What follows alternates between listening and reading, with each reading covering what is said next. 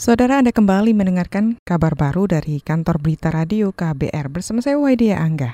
Perusahaan listrik negara atau PLN siap membayarkan kompensasi kepada pelanggan sebagai ganti rugi pemadaman listrik berjam-jam pada minggu kemarin. Direktur Regional Jawa bagian Barat PLN Haryanto WS mengatakan kompensasi mulai dibayarkan untuk tagihan listrik Agustus yang harus dibayarkan pada September. Haryanto mengklaim PLN menyiapkan anggaran 865 miliar untuk membayar semua kompensasi tersebut. Dan insya Allah nanti e, kita akan langsung e, berikan kompensasi itu pada rekening Agustus yang akan dibayar bulan September. Ya, jadi jumlah pelanggannya tidak kurang dari 22 juta pelanggan.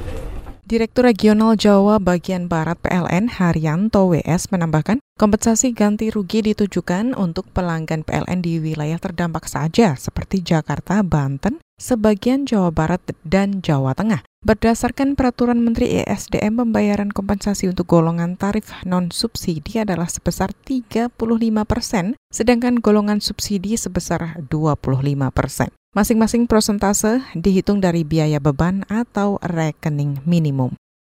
Kita ke berita selanjutnya, Koalisi Masyarakat Sipil Anti Korupsi meminta panitia seleksi calon pimpinan Komisi Pemberantasan Korupsi atau KPK untuk menindaklanjuti laporan pengaduan masyarakat atas rekam jejak 40 peserta yang lolos seleksi. Menurut anggota koalisi sekaligus peneliti ICW, Kurnia Ramadana, Panitia seleksi calon pimpinan KPK mestinya memandang perlu untuk membuktikan laporan aduan dari masyarakat dan bukan sebaliknya justru dinilai sebagai fitnah. Yang satu poin penting juga, jangan sampai masyarakat ketika memberikan masukan yang tadi masyarakat memberikan itu kan bukan sebagai tuduhan. Karena kan prinsipnya pansel ini bekerja dalam konteks pembentukan berdasarkan kepres oleh presiden dan kepres itu menyebutkan spesifik tentang keterlibatan masyarakat. Dan jangan lupakan bahwa KPK itu salah satu poin pentingnya adalah bertanggung jawab pada publik. Maka dari itu publik kita himbau dan juga uh, berharap agar terlibat dalam proses seleksi KPK ini. Anggota koalisi sekaligus peneliti ICW, Kurnia Ramadana juga menyarankan kepada pansel calon pimpinan KPK untuk mempertimbangkan juga aduan masyarakat yang berkembang di media massa. Sebelumnya pada Senin kemarin, pansel mengumumkan 40 nama peserta yang lolos tes psikologi. Peserta yang lolos akan dinilai rekam jejaknya oleh delapan instansi yang ditunjuk, yaitu KPK, Kejaksaan, Kepolisian, BIN, BNN, BNPT, PPATK, dan juga Dirjen Pajak. Aduan publik mengenai rekam jejak peserta terbuka hingga akhir Agustus ini.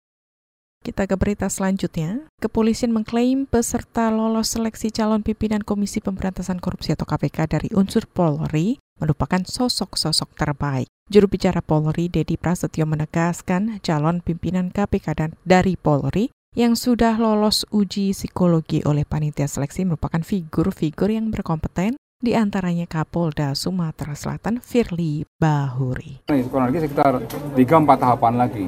Ya, tiga tahapan lagi itu pun merupakan tahapan-tahapan yang cukup sulit juga dan sangat ketat.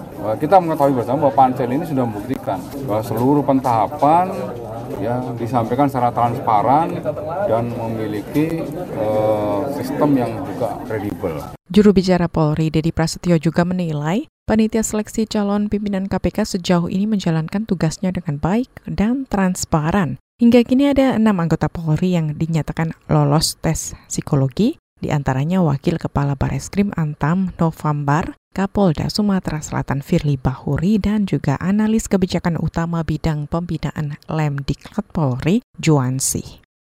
Kita ke berita lainnya. Presiden Joko Widodo menyampaikan ucapan bela sungkawa atas meninggalnya tokoh ulama karismatik Maimun Zubair saat menunaikan ibadah haji di Mekah, Arab Saudi. Jokowi menilai almarhum Maimun sebagai tokoh agama yang nasionalis dan menjadi panutan terbaik bagi masyarakat. Jokowi mengaku merasa sangat kehilangan atas wafatnya almarhum Maimun.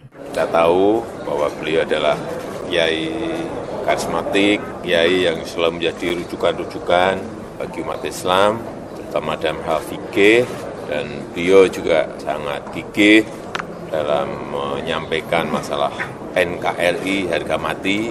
Sebab itu kita sangat kehilangan Jokowi juga mengatakan almarhum Maimun Zubair banyak memberi nasihat dalam hal praktik menjalankan pemerintahan. Presiden pun mengenang beberapa pertemuan yang pernah dilakukan bersama dengan almarhum Maimun di Pondok Pesantren Al-Anwar, Rembang, Jawa Tengah.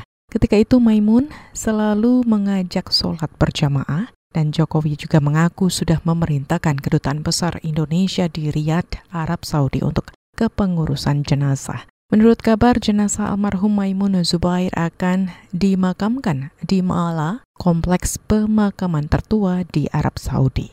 Saudara demikian kabar baru dari KBR, saya Waidia Angga.